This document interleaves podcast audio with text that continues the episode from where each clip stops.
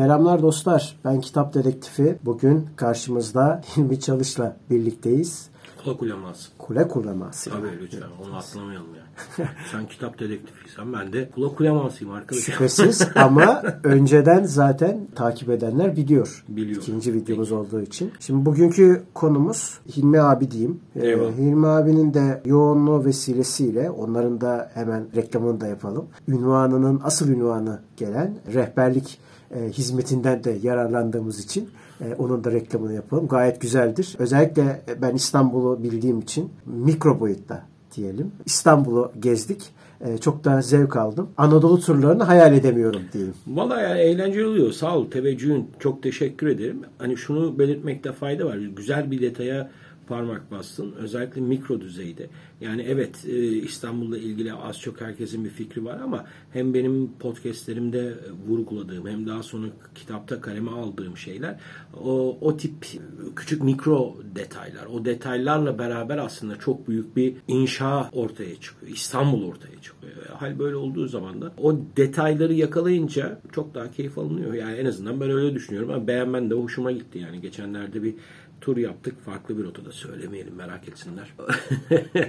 daha sonra onlar da gelir belki bu videoyu seyreden kişiler. Onlar daha daha farklı gezilerde düzenleriz. Evet, evet. Şimdi konumuz ama İstanbul değil. Bu sefer konumuz Truva ya da Troya Troya. Diye tabir edilen. Ama ben daha sonra bunların Truva deyince böyle kaşıma ben havaya kalkıyor. evet, evet. ama ikisinin de yanlış olduğuna dair. Hadi bakalım, neymiş e, şeyi? Bir şey, ha, ben sizden öğrendim. Ha, Vilusa. Ha, Vilusa oluyor tabii. Oradan oluyor. Bu ben onu sormak istiyorum. Yani aklıma da takıldı. Mesela aslında biraz sonra daha derinleşecek tabii ki konuyu da daha girer girmez hemen derinleştirmeyelim. Ufak ufak bir şey yapalım. Mesela bir yere gittiğimiz zaman ilk böyle ismine bakıyoruz. Nereden geliyor vesaire. Aslında bir nevi de acemi filologluk yapıyoruz falan. Tabii. Bunda da mesela neden Truva demişler ya da Truva demişler mi acaba? Bu ismin kaynağı nedir desem? Ya aslında şöyle söylemekte fayda var. Bu bunun tam olarak ne şekilde olduğu, şekilde evrildiğini hani şu tarih şu şekilde işaret etmemiz oldukça zor. Ama eldeki kaynaklardan biliyoruz ki her ikisi de kullanılıyor.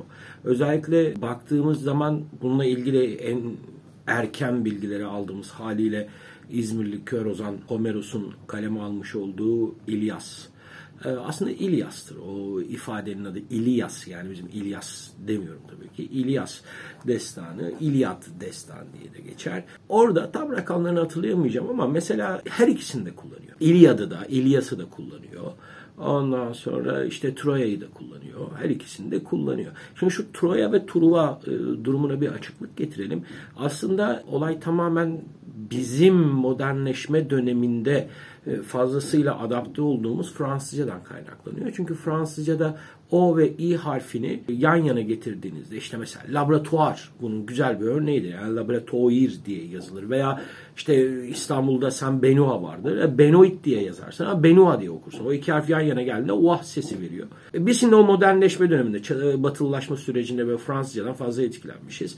Ve Truvalaşmış Troya ama hani o dönemde orada yaşayan insanlar ne diyordu kendi kentlerine? E, Şüphesiz bir şekilde Vilusa diyorlardı. Bunu nereden biliyoruz? Şimdi Troya kazıları üç aşağı ya ben de Troya diyeceğim çünkü artık bu genel geçer bir ifade olmuş. Herkes tarafından benimsenmiş olan bir ifade olduğu için ben de Troya diyeceğim. En azından dünya literatüründe böyle adlandırılıyor. Troya kazıları 1870'lerden beri devam ediyor. Yani nereden baksanız 150 yıldır kazılan bir yerden bahsediyoruz. Çok garip bir şekilde herhangi bir yazılı belge uzunca süre bulunmuyor. Ne zaman bulunuyor? 1996 veya 97 yılında çok küçük bir bronz mühür bulunuyor. Üzerinde de Vilus'a yazıyor. Ve herkes çok büyük bir şey yapıyor tabii. Bayram ediyor. Çünkü artık ya şöyle söyleyeyim 1870'ten 1990'lara kadar insanlar orasını kazıyorlar. Turaya olduğunu ümit ederek kazıyorlar. Ama elde herhangi bir yazılı kayıt yok. kazıyorlar. Ondan sonra onu buldukları anda o küçük mühür bir katip mührü olduğunu söylerler onun. Diyorlar ki evet artık burası Troya. Hani bu kadar kazdık. Zaten coğrafi veriler de burayı işaret ediyor. E bunu da bulduğumuzda göre böyle. Ama mesela Hitit metinlerinde de karşımıza yine Illusa veya Vilusa şeklinde geçiyor. Hitit metinlerinde çok fazla karşımıza çıkar. Hatta şöyle söyleyeyim. Kadeş Savaşı'na asker göndermiştir. Troyalılar. Elde kesin işte o kanıtlar var. Çünkü Hititlerin çok önemli bir kültür şeyi var. Anal adını verdikleri zaten İngilizce yani yabancı batı dillerine de geçiyor işte annual veya yıllık anlamında. Orada e, biz bir sürü şeyi öğreniyoruz. İşte Priama'yı öğreniyoruz. Garip bir şekilde Hector ve Paris'in babası olan Priamos'a işaret eder. Ama herkesin bildiği gibi aslında Paris'in adı Paris değildir. Asıl adı Aleksandros'tur. Mesela Hitit metinlerinde karşımızda Aleksandruş diye bir isim çıkar. E çıkar. Ahivayalılar çıkar. Ahivayalılar aslında Akalardır. Yani Anadolu'ya büyük bir ordu gösteren Agamemnon'un önderliğinde toplanan o büyük topluluk vesaire. Hani günümüzdeki bu arada hani yeri gelmişken söyleyeyim yani çok konuyla alakası değil. Batı Anadolu'ya da yani günümüzde Ege bölgesinin olduğu yere de Asuba ismini verirler. O isim zamanla Asuba giderek Asyalaşır. Yani aslında Asya dediğimiz yer bugün Ege bölgesi. Öyle yeri gelmişken söyleyeyim dedim. Ama elde şeyi biliyoruz yani her dönem her ikisi de kullanılmış ama sıklıkla Vilus'a daha sonraki süreçte de Tura'ya kabul edilmiş. Arzu Erat'ın kullandığı e, Küçük Asya e, deyimi var. Hı. Zaten herkes kullanıyor da bunu Tabii. ben ilk ondan duymuştum. O, okumuştum daha doğrusu. Oradaki mesela Asya oradan mı gelme acaba? Roma milattan önce 133 senesinde e, Anadolu hakimiyetine başlayınca eyalet kurar buraya. Oraya da Asya eyaletidir. Asya'ya yani Bergama krallığından alıyor. Bergama nerede? E, Anadolu'da, Batı Anadolu'da ve Asya Asya'dır yani hani Asya orasıdır. Daha sonra önce Anadolu'ya daha sonra bütün bir kıtaya layık görülür. Peki bu kazı öncesinde aslında somut bir şey olmadığını hani rastgele olduğunu söyledin. O zaman biz iki tane sözlü tarihten mi bahsediyoruz? Onun üstü yani sözlünün yazılıya geçmiş hali. Az önce İlyada'dan bahsettik, Odesseya'dan bahsettik veya Homeros'un dedikleri olmasa aslında günümüzde herhangi bir bununla ilgili başka bir emare yok muydu? Bence oradan bakmayalım. Biraz daha farklı bir açıdan bakalım. Nereden bakalım biliyor musun? Şimdi savaşın olduğu düşünülen tarih milattan önce 11. yüzyılın sonları. Yani 1200'lerle 1100'lere geçiş. Peki asıl soru İlyada ve Odessa hangi tarihlerde yazılıyor? Milattan önce aşağı yukarı 6 veya 7. yüzyıl olur. Yani savaştan 500 yıl sonra yazılıyor. Şimdi bu öyle bir iz bırakmış ki bu arada Anadolu'da çok uzunca bir süre karanlık çağlar vardır. Yani deniz kavimleri göçü denilen bir yağma süreci olur ki o yağma süreciyle beraber Hititler de ortadan kalkar ve insanlar yazıyı unutur. Mesela demir çağından önce kullanılan iki tane yazı tipi vardır. Lineer A ve lineer B yazısı. Mesela milattan önce 6-7. yüzyıldan itibaren bunları görmeyiz. Demek ki o arada bunlar bu yazıları kullanmamışlar. Unutmuşlar bu yazıları. Öyle bir yıkım süreci var. E şimdi o karanlık çağlarda 500 yıldan bahsediyoruz. Yani o 500 yıl içerisinde insanların toplum hafızasına yer etmiş bir olay. Bu çok önemli bir şey. Yani biz evet sözlü bir aktarım, sözlü bir kültür diyoruz ama işin diğer tarafında da şöyle bir şey var. Orada da sözlü aktarım ve sözlü kültür var. Bizi burada Troya'ya karşı büyük bir sempatiye yönlendiren ve onu büyük bir macerayla aramamıza şevk eden şey biraz da Homeros'un kaleme almış oldukları. Hak, Homeros da şeyi kaleme almaz. Bütün savaşı kaleme almaz. O savaşın son 50 gününü kaleme alır. Son 50 gününü okuruz biz ondan. Ama yine efsanelerden biliyoruz ki e, Troya Savaşı 10 yıl kadar sürmüş. Sadece 50 gününü öğreniyoruz biz. E, demek ki toplum hafızasında iz bırakmış. Buna bağlı olarak da insanlar kendi düzenlerini oluşturduktan sonra e, hadi bari biz bunu yazalım demişler. Oturmuşlar yazmışlar işte. Homeros yazmış. Ya onunla ilgili farklı görüşler de var. İşte Homeros tek bir kişi miydi yoksa bir grup muydu? Bunlar bir araya geldiler, ettiler. İşte İzmirli miydi, Sakız Adalı mıydı vesaire. Bununla ilgili çok fazla e, tevatür var. Biz diyelim ki bir kişi oturmuşlar, yazmışlar bunu ve çok güzel bir şeydir Troya ve özellikle Odessa. Yani kültürün terk edilmediğini, kültürün terk edilemeyeceğini, bir toplumdan bir topluma, bir devirden başka bir devrime geçerken kolay kolay sırt dönülemeyen bir mirası diğer kuşağa aktardığının göstergesidir. Çünkü olay yaşanır milattan önce 12. yüzyıl, kaleme alınır milattan önce 6. 7. yüzyıl, ondan sonra durmadan çoğaltılır. Önce pagan Yunanlar çoğaltır. Daha sonra işte Roma bunu sahiplenir. Zaten kurucu metin olarak kabul ediyorlar. Ondan da bahsederiz belki birazdan.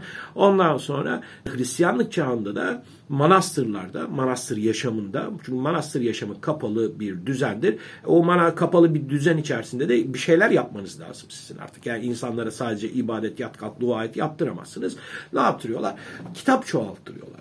Bu arada kitaplar çok pahalı onu da söyleyeyim. Hani bir cilt kitabı 50 altına falan satıyorlar. Çünkü tamamen el işte e, şeyler e, ceylan derisi, kapaklar yine ona göre vesaire kitaplar pahalı. Şu anda da öyle zaten pek sıkıntı Tek farkı ceylan derisi yerine. ceylan yerine ağaç kesiyoruz. Evet. Yani kültürel aktarımı bir şekilde somutlaştırabilen bir şeydir. Troya Savaşı, İlyada, Odessa ve ondan sonra devamları. Hatta şöyle söyleyeyim yani Fatih Sultan Mehmet'in kütüphanesinde çıkar karşımıza e, çok güzel Rumca kaleme alınmış. Gerçi o da öyle bir pirinç tanesi gibi e, ince ince yazılar çok kolay bir görsel aramayla da bulabilirsiniz onu yani. Hani demek ki kabul edilmiş, içe sinmiş bir hikayesi var Troya Savaşı'nın. Şimdi Fatih deyince aklıma şu geldi. Fatih'in Çimen Kalesi miydi şeydeki? Evet. Onu yaptırmasının temel sebeplerinden bir tanesinin tarihten çıkarttığı o Truva Savaşı'ndan ya biliyor. Dair. Yani şunu söyleyeyim. Ya biliyor. Truva Savaşı'nı biliyor. Çünkü adam şeyi okumuş. İlyada'yı okumuş. Hı. Biliyor. Ama işe biraz daha farklı yerden bakalım. Şimdi ben turlarımda özellikle Anadolu turlarında her şeyden evvel coğrafyayı anlatmaya başlarım. Eğer coğrafyayı çok idrak edemezsek bu olaylar burada neden yaşandı? İnsanlar neden kan döktü? Veya buraya gelip bu şehri niye inşa ettiler? Anlamımız oldukça zor. Hal böyle olunca coğrafyaya bakalım. Şimdi Çanakkale Boğazı. Bir de İstanbul Boğazı var. İşte e, Dardanel olarak geçer karşımıza. Çanakkale Boğazı antik metinlerde. Onunla ilgili ayrı bir hikaye de var. Dardanos. O Dardanos da şeye bağlı. Troya'ya bağlı. Neyse biz gene şeye gelelim.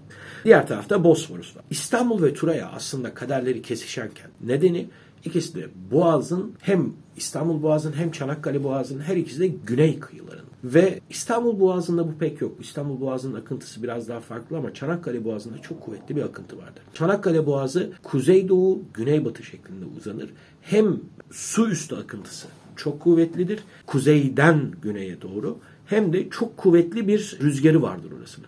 Hatta yanlış hatırlamıyorsam notlarımda var bilmiyorum programı da dinleyebilirler benim Troya ile ilgili yaptığım programı. Orada kesin bir sayı vermişim galiba yılın 300 günü falan kuzeye doğru gitmek Tabi yelkenlerden bahsediyorum. Motor vesaire o bu yok.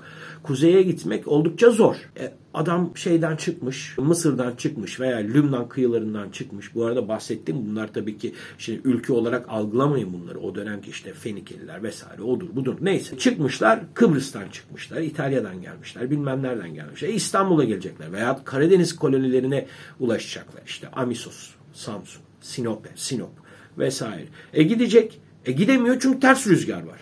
E bu arada ne? Bir yere gitmesi lazım. Bir yerde beklemesi lazım. Nerede bekleyecek? Hemen orada kurulmuş olan Turaya'da bekliyor. Ve Turaya hem güvenli bir liman olması hem boğazın girişini, Çanakkale Boğazı'nın girişini tutması nedeniyle çok gözde bir yer. Ve çok zengin de bir yer. Mesela bakın. Şimdi Turaya'yı belki ondan bahsederiz birazdan. Truva aslında katman katman bir pastadır. Bu şunu gösterir. Milattan önce aşağı yukarı 3000'lerden itibaren, 3000-3500'den itibaren son terk edilen Roma çağına kadar insanlar 3500-4000 yıl boyunca çünkü daha öncesi de var onun 3500-4000 yıl boyunca orada şehir kurmuşlar. Ayrılmak istememişler oradan. Gerek politik nedenlerle, gerek efsanevi nedenlerle, gerekse tamamen duygusal nedenlerle. Çünkü önemli bir yer orası. Terk edilmemiş üst üste 9 tane 10 tane yapı katının kurulması burasının yıllar içerisinde rağbet gördüğünün bir göstergesidir. E şimdi hal böyle olduğu zaman ele geçirilmesi, kontrol edilmesi önemli bir hal oluyor. O yüzden zaten Troya Savaşı diye bildiğimiz şey oluyor. Çünkü e, yok işte kız meselesi şudur budur vesaire yani, yani belki metaforik olarak bir şeyleri vardır. E, arka planı vardır. Ama öz itibariyle Karadeniz'e bir açılan kapıdır. Anadolu'ya açılan kapıdır. O yüzden de Turay'ı kontrol etmek oldukça büyük bir prestij kaynağı o dönemdeki insanlar için. E şimdi Fatih Sultan Mehmet bunu bilmiyor muydu? Elbette biliyordu. E buna benzeyen bir hikayeyi aslında baktığın zaman Agamemnon gelir şeyi alır, Turay'ı alır. Hani çok kötü davranıyor. Ayrı mevzu. Çok e, vahşet yaşanır orada. En azından biz anlatılan efsanelerden biliyoruz. Diğer tarafta da Fatih Sultan Mehmet de İstanbul'u ele geçirir. Ama o biraz daha vizyonermiş tabii ki. Ve Kritavoulos söyler. Kritavoulos e, yanlış hatırlamıyorsam e, ya Midillili ya Rodoslu hatırlayamayacağım şimdi. Yanlış bir şey söylersen de buradan hani izleyenlerin affına sığınıyorum. Ve şey yapar. Kritavoulos aktarır der ki işte tam böyle Çanakkale Boğazı'nın girişine doğru geldiklerinde aynı gemide Fatih Sultan Mehmet'in Hektor'un intikamını aldım dediydi belirtir. Biz bunu oradan öğreniyoruz. Ama bu o kadar kabul edilmiş bir şey ki daha sonra yanlış hatırlamıyorsam Sabahattin Eyüboğlu galiba. Sabahattin Eyüboğlu da bunu Mustafa Kemal Atatürk'e addeder. Yani hani Hektor'un intikamı önemli bir şeydir. Ya Hektor'un intikamını tamam almak önemli bir şey. Evet Batı Doğu çatışması anlamında. Ama ya Paris'in yaptıklarını ne yapacağız ya? O da ortalığı karıştırmış. Kimse de dememiş ki oğlum sen ne yapıyorsun? Gitsen kralın kızını al gel buraya, karısını al gel buraya ondan sonra vermem de vermem. Çok enteresan hikayeler. Vardır sorularında. Bekliyorum. Buyurun. Evet. E, ben şunu da merak ediyorum. Savaşın 10 yıl sürmesinden, ya tahmini 10 yıldan bahsediliyor. 10 yıl sürmesinden bahsediyor falan ama öte yandan da tabii şey sıkıntısı var. O dönemde tamam bu kadar uzun savaşlar çok yani o kadar da şey yok ama sadece bundan dolayı mı önemli bu kadar? Yoksa az önceki söylediğin e, aslında bahsettiğin coğrafi öneminden dolayı mı günümüze kadar hani sözlü edebiyat olmuş. Bir de ben mesela şunu da merak ediyorum bu soruyla da bağlantılı olarak. İlyada ve Odesseya'da zaten çok fazla sözlü hikayenin de mesela adaları gezerken özellikle hı hı. Anadolu'dan çok fazla motifler olduğunu görebiliyorum. Günümüzdeki hı hı. olan şeylerde inanışlar, kültürler, yemeğine en basitinden kadar. Starbucks'ın amblemi sirendir yani. Evet, hani Odessa'dan evet, gelir yani. Evet, evet. Odessa'dan gelir. En Do- Starbucks. Evet. Dolayısıyla da bunların hepsine böyle baktığımız zaman e, sözlü kültür anlamında çok şey yapmış. Doğru. Ama bu neden olmuş? Ya bu savaş neden bu kadar önemliydi? Yani bir şehrin işgali neredeyse tabii ki yani Fatih dönemi günümüze daha yakın eyvah doğru da ama neredeyse bir İstanbul'un fethi kadar önemli bir evet. atıf ve efsaneler ve nasıl diyelim bir mitler uydurulmuş. Hı. Ondan sonra neden bu savaş bu kadar önemli? Neden bu savaş bu kadar önemli? Gayet güzel. Mesela sana şunu söyleyeyim. Şöyle bir dönüp baktığın zaman sinema tarihine zaten şunu şurası ne kadar sinema tarihi var ama dönüp baktığında üzerinde en çok film yapılan konulardan bir tanesi İkinci Dünya Savaşı. Çünkü İkinci Dünya Savaşı ve tabii ki Birinci Dünya Savaşı o güne kadar görülmemiş bir şekilde topyekun bir düşmanlığın görüldüğü ve neredeyse kim kimsenin savaşa sırt çevirmediği, herkesin savaşa katılmak için canhıraş bir şekilde e, mücadele ettiği ve savaştığı, kan döktüğü, insanların öldüğü berbat, vahşet iki dönem. Birinci ve ikinci Dünya Savaşı. Ama dönüp baktığın zaman Troya'da da biz bunu görüyoruz. Şimdi Troya'ya katılan güçleri çok güzel bir şekilde kaleme alır. Kim, nereden, ne kadar kişiyle geldi diye Homeros İlyada destanında. Bunun da çok güzel bir haritası vardır. Çok basit görsel aramasıyla bunu izleyenler de bulabilirler. Herkes katılıyor. Yani işte Anadolu'dan çok fazla katılan var. İşte batıdan e, Yunan Yarımadası'ndan gelen çok fazla var ve söylencesi kuvvetli bir hale geliyor. Söylencesi kuvvetli bir hale geliyor. İşte özellikle işin efsaneleşmesi ve bu efsaneyi de beraber hikayede anlatılan karakterlerin metaforik olarak yansıması, onlara yüklenilen anlamlarla beraber herkes kendinden bir şey buluyor bu hikayede. Ben en azından öyle düşünüyorum. Yani işte aşağı yukarı 3000 küsur yıldan bahsediyoruz bugüne gelene kadar. Kim bilir kimler anlattı. Herkes okurken belki kendini Paris'e yakın buldu. Belki işte Ayanas'a yakın buldu. Belki ona yakın buldu. E tabi bir de işin Roma boyutu var. E, Roma'nın da kuruluşuna giden süreçte. Romalılar mesela kendilerini Troya'ya dayandırıyor. İtalya'ya kadar götürüyorlardı. Tabi Aenas gider oraya. Ayanas'ın çocukları işte çocuklarının çocukları falan daha sonra bir işte bir ifal durumları söz konusu. Hatta şöyle söyleyeyim çok garip bir şekilde İngiltere'ye kadar da gider.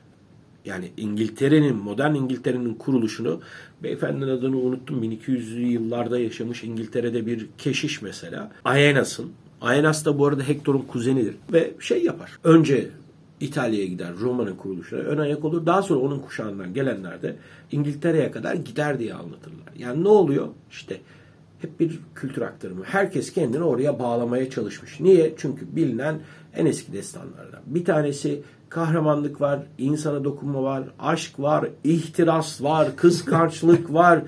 Yani bilmiyorum doğru Yasa düzgün- kerma. Yasa ha yani benim ağzımdan aldığını böyle doğru düzgün bir kurguyla beraber e, akşam kuşağında güzel bir dizi olabilir yani. Herkes kendinden bir şey buluyor. Evet. Peki son olarak savaşın final kısmına geleyim. Final değil aslında. e, Aslında ilk giriş kısmına geleyim yani. E, Bizim için final olacak ama. Yunanlılar Truva'ya nasıl giriyorlar? Yani ne yapıp da giriyorlar? O at gerçek mi? O at gerçek mi?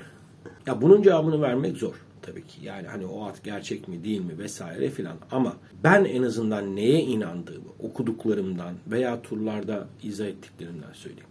Şimdi birincisi at bir atribüttür. Atribüt nedir? Tanrı ve tanrıçaları tanımlayan ve buna bağlı olarak da onun o sembolü gördüğümüz yerde o tanrı ve tanrıçanın bir imzası olduğunu anlayabileceğimiz semboller. Mesela bu Atena'da bir miğfer, elinde bir mızrak, kolunda bir kalkandır. Efendim söyleyeyim Artemis'in evcil hayvanları vardır. Veyahut da vahşi olup da onun yanında evcilleşen hayvanları vardır. Ok ve yay e, Apollon'dur. Bir lir Apollon'dur. Yani bunları gördüğümüzde onun o olduğunu anlarız. Bir de at vardır. At da bir atribüttür. At efendime söyleyeyim Poseidon yani denizler tanrısının bir atribütü, bir sembolüdür. Ama biz onu daha çok elindeki üç dişli yabasıyla biliriz. Şimdi demek ortada bir Poseidon durumu var.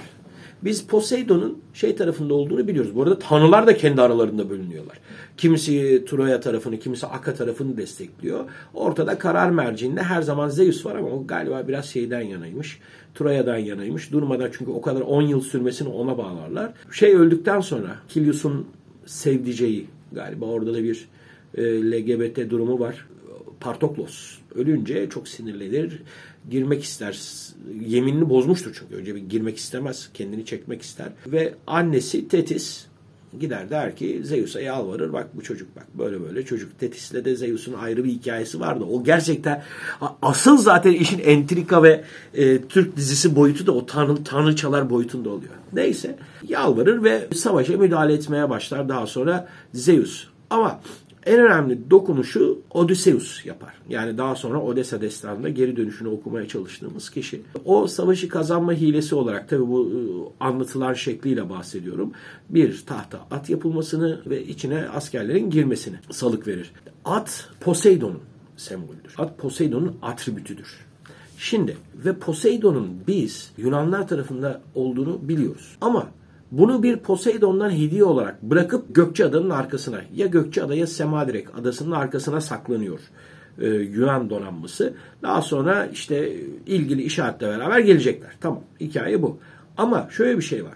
Şimdi siz Troyalısınız. Savaşta karşı tarafın desteğini almış olan veya karşı tarafa desteğini vermiş olan bir e, tanrıyı sembolize eden atı veya e, herhangi bir atribütü neden şehrinize alasınız? Orada bir şey var. Bana soracak olursanız. Bakın. Şimdi nereden nereye gideceğiz? Gazi Süleyman Paşa. Kimdir bilir misin? Yok bilmiyorum. Böyle direkt Şimdi nereden nereye geldik şimdi bak. Gazi Süleyman Paşa bizim Rumeli'ye ilk ayak basan hanedan üyesidir. Orhan Gazi'nin büyük oğludur. Çok da vakitsiz ölür. Belki vakitsiz ölmeseydi 1. Murat Hüdavendigar'ın yerine o padişah olacaktı. Günümüzde Çanakkale yakınlarında bir yerde kışlasında e, bulunurken bir deprem olur. Ve Çimpe Kalesi'nin surları yıkılır. Fırsat bu fırsattır der Süleyman Paşa. Atlarlar gemiye giderler Çimpe Kalesi'ni alırlar. Ve ne olur? Osmanlı Rumeli'ye ilk defa ayak basar ondan sonra da kalır. Şimdi ilginçliğe bakın. Daha iki gün önce yaşadık. Çok elin bir hadise. Herkese geçmiş olsun dileklerini de sunalım buradan. Deprem. Kuzey Anadolu fay hattındayız.